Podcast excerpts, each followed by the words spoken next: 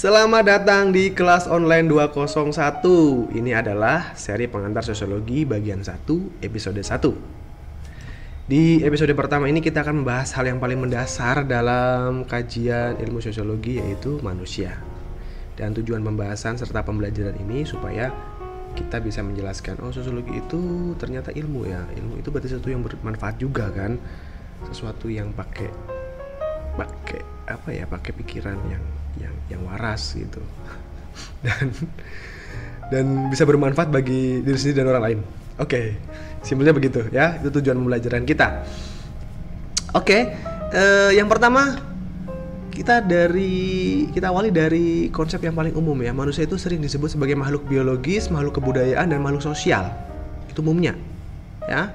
Biologis berarti berarti dia punya tubuh dia kemudian juga berkebudayaan artinya dia juga memproduksi sesuatu ya pakaian dan seterusnya ya kan eh, manusia sebagai makhluk sosial artinya itu butuh sama orang lain ya kan kita nggak mungkin dong membuat sepatu tas baju daleman sampai semua motor kita sendiri nggak mungkin juga kali ya kita butuh orang lain untuk untuk mencukupkan segala mencukupkan, memenuhi segala kebutuhan hidup kita ya. Dalam sosiologi, perspektif sosiologi, manusia adalah makhluk individu dan makhluk sosial sekaligus. Ini bakal bakal menjelaskan juga kenapa sih manusia itu kadang-kadang dilema ya kan? Dia sebagai dirinya dan juga sebagai anggota sebuah keluarga. Gitu ya kan? Nah itu secara umum dan secara uh, perspektif awal dalam sosiologi. Kita akan mundur lagi sedikit membahas tentang apa dan siapa manusia ya. Kita awali dengan satu teori yang sangat terkenal yaitu teori evolusi biologis yang mengatakan bahwasanya katanya nenek moyang kita itu berasal dari kera. Tapi apakah benar begitu? Maka kita akan lihat lengkapnya. Teori evolusi biologis mengemukakan bahwa hewan, tumbuhan dan juga manusia merupakan hasil perkembangan evolusi makhluk-makhluk yang dulunya berbentuknya sangat sederhana ya kan mungkin satu sel dua sel bertambah banyak sel kemudian menjadi organisme jadi organisme dan kemudian menjadi katak dia katak kemudian menjadi kerak gitu. Apakah benar begitu? Ya kan? Itu uh, teori evolusi biologis. Jangan-jangan atau evolusi itu sebenarnya berjalan salah ya kan? Sekarang juga masih ada kera soalnya ya kan? Harusnya kalau kera berevolusi menjadi manusia nggak udah nggak ada kera kan? Berjalan salah. Baik, kalau kita ngomong tentang evolusi, otomatis kita ngomong tentang uh, manusia purba, ya kan? Berdasarkan ilmu arkeologi dan penggalian-penggalian oleh ilmu lainnya, disimpulkan bahwasanya 3 juta tahun yang lalu itu hidup satu hmm, spesies manusia yang kita namai. Bukan kita sih para ilmuwan yang menamainya Homo australopithecine artinya uh, manusia yang yang yang hidup di daerah Australia gitu mungkin ya. Di, di daerah benua lempengan Australia sana gitu. Itu umur fosilnya 3 juta tahun yang lalu gitu. Ya 3 juta tahun wow. Kemudian yang kedua ada Homo erectus. Nah ini kira-kira ya hidup setelah masa Homo australopithecine 2 juta tahun yang lalu ya masih bentuknya kayak gini. Ini masih masih masih seperti kera banget nih. Dia sudah mulai ada bentuknya. Kemudian ada Homo neanderthals. Ini 110 tahun yang lalu. 110 tahun. 110 ribu tahun. Ya. I'm sorry. 110 ribu tahun yang lalu Homo neanderthals. Ini sudah bentuknya udah udah udah kayak kamu. Nah inilah yang kemudian kita jadikan tersangka katanya inilah nenek moyang manusia manusia modern sekarang kita ini ya kan namanya Homo sapiens dijulukinya itu ada sekitar 35.000 tahun yang lalu tapi apakah benar demikian ya kan nah Mari kita bahas satu persatu konsep-konsep yang tadi sudah kita singgung di depan. Yang pertama adalah konsep secara biologis. Oke. Akan masuk ke konsep yang pertama itu manusia sebagai makhluk biologi. Ya, ini konsep umum. Artinya manusia sebagai makhluk biologi itu ya butuh makan, minum, seks kayak makhluk lain. Ya kayak tumbuhan, kayak hewan. Ya, kita juga sebenarnya nggak jauh beda dari mereka sih ya. Maka dalam ilmu ini kita akan cari tahu sebenarnya kita perbedaannya apa sih sama dengan hewan atau kita sebenarnya juga hewan tapi agak-agak cerdas dikit gimana sih ya gitu. Nah, adalah Charles Darwin. Ini nih ini ini kakek Charles ya, bukan kakek Sugiono nih kakek Charles ini loh. ini yang punya apa ya? Yang punya ide tentang teori evolusi biologis ya. Dia yang kemudian juga disebut atau dijuluki sebagai bapak teori evolusi, begitu kan?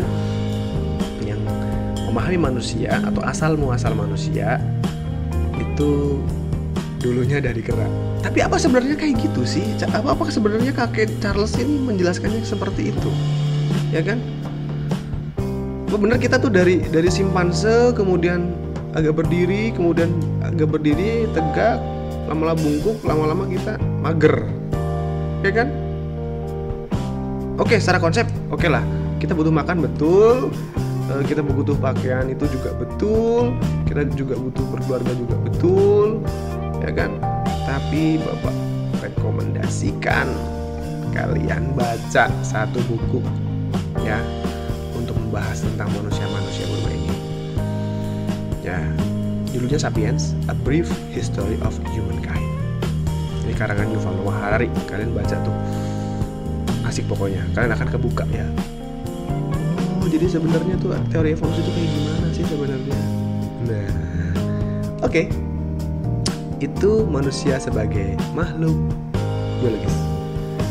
Nah sebagai makhluk biologis yang butuh butuh makan dia juga tidak bisa memenuhi kebutuhannya sendiri. Maka satu makhluk manusia dengan makhluk manusia lain kemudian mengembangkan apa yang kita sebut dengan bahasa yang akhirnya merubah segala-galanya bahasa ini ya. Dari mungkin pertamanya uh, uh, uh, uh, uh, kemudian sekarang menjadi awok awok awok awok awok. Apa ya awok awok? Bapak juga bingung ya bacanya juga susah ya. Gini deh simpelnya. Dulu kita temukan manusia purba itu dia menggambar di dinding ya kan? Ada gambar-gambar di dinding gua zaman purba ya kan? Sampai akhirnya mungkin simbol-simbol patung-patung, kemudian terbukalah komputer, alat print, kemudian ada juga teknologi program komputer lebih canggih sampai akhirnya sekarang kita kenal dengan virtual reality. Virtual reality VR, Bro. Ini maksudnya bahasa manusia itu dari zaman ke zaman terus berkembang. Oke, dan ini akan berubah segala-galanya ya kan? Karena bahasa itu bisa merubah segalanya loh bro. Misalkan gini coy. Eh, tadinya eh, masih bilang lu gue atau kamu aku. Tapi lama-lama manggilnya sayang. Nah inilah yang kita sebut dengan proses sosial dan proses kebudayaan ya kan? Karena manusia saling berhubungan satu sama lain maka dia juga akhirnya bisa membuat sesuatu yang lebih kompleks.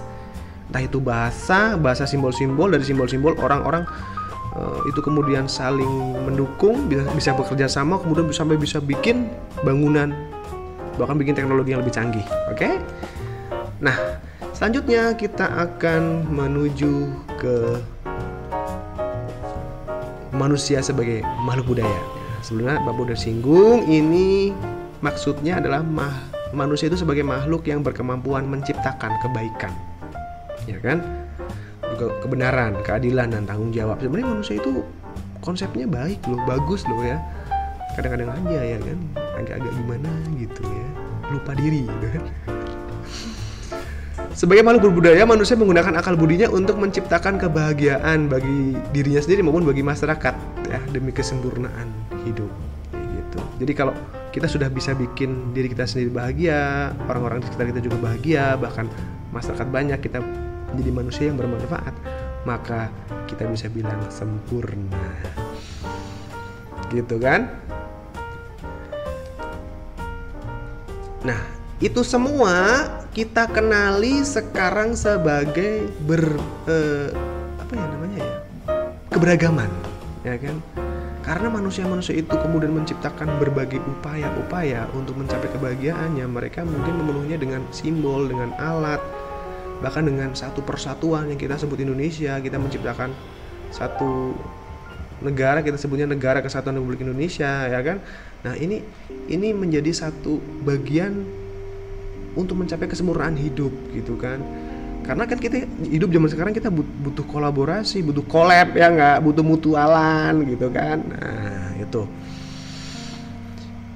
itu gunanya nanti untuk memproduksi ya memproduksi sesuatu ya bikin konten dan seterusnya gitu kan jadi jadi kalau kalian ketemu kata kebudayaan tuh biasanya berupa simbol, barang, ide dan seterusnya. Gitu. Nah, bahasan tentang kebudayaan nanti akan ada videonya.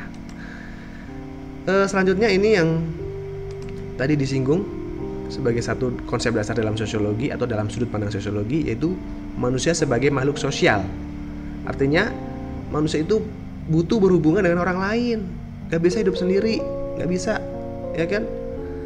Eh, manusia itu memiliki tanggung jawab yang penuh terhadap dirinya sendiri meskipun juga manusia itu butuh orang lain gitu ya itu bikin kadang-kadang dilema ya kan kadang-kadang kita lagi mager lagi pengen di rumah aja ya teman teman datang nyamper ayo ah ke ke ke ini ke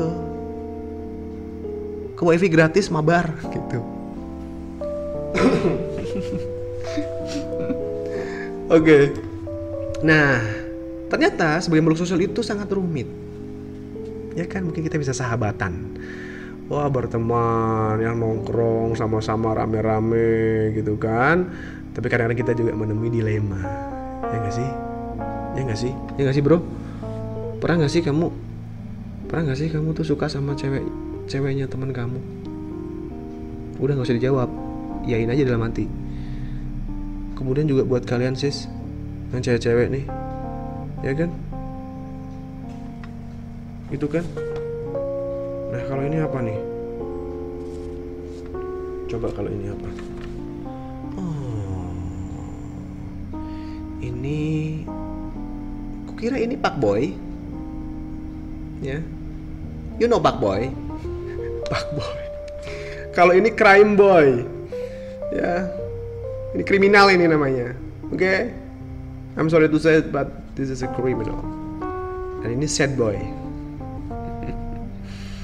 Nah, kalau ini sih ada lagunya sih kalau ini ya. We are happy family with a big great hug. Gitu kan? Ini satu keluarga yang lengkap, yang rame, yang hangat, tapi tidak terlalu rame, ya kan?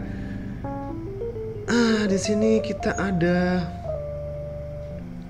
Snapchat no ini udah lama banget kayaknya udah gak pernah dibuka ya. Kalau ini WhatsApp ada Pinterest ada LinkedIn LinkedIn kayaknya kayaknya lupa password Jeep uh, Google Plus. Kayaknya sudah ditutup Twitter masih dong. Facebook hmm, ya ya masih. Instagram oh always. YouTube uh, every time. Nah kalau ini ini keinget kalau hari raya ya. Mungkin lebaran atau mungkin akhir tahun kita ngumpul bareng keluarga besar. Ribet sih ribet banyak orang di rumah tuh ribet gitu kan. Tapi seneng. Dan itu kadang kita merindukan itu. Ya nggak sih? Kita kumpul bareng keluarga. Dan buat kalian yang mungkin jarang bisa ketemu sama keluarga kalian orang-orang yang kuat. Ya kalian orang-orang yang hebat lah. Nah, kira-kira itu. Jadi secara ringkas, manusia dalam konsep umum disebut sebagai makhluk biologi, makhluk kebudayaan, dan makhluk sosial. Tapi di dalam ilmu sosiologi, manusia disebut sebagai makhluk individu yang artinya dia seorang pribadi, seorang yang mandiri, seorang yang tunggal dirinya juga sekaligus orang yang mau tidak mau makhluk yang mau tidak mau harus berhubungan dengan makhluk lain maka dia disebut sebagai makhluk sosial oke akhirnya thank you ya. Mudah-mudahan pengantar pertama ini bisa diterima. Uh, dan terima kasih udah menyimak. See you on next video. Thank you.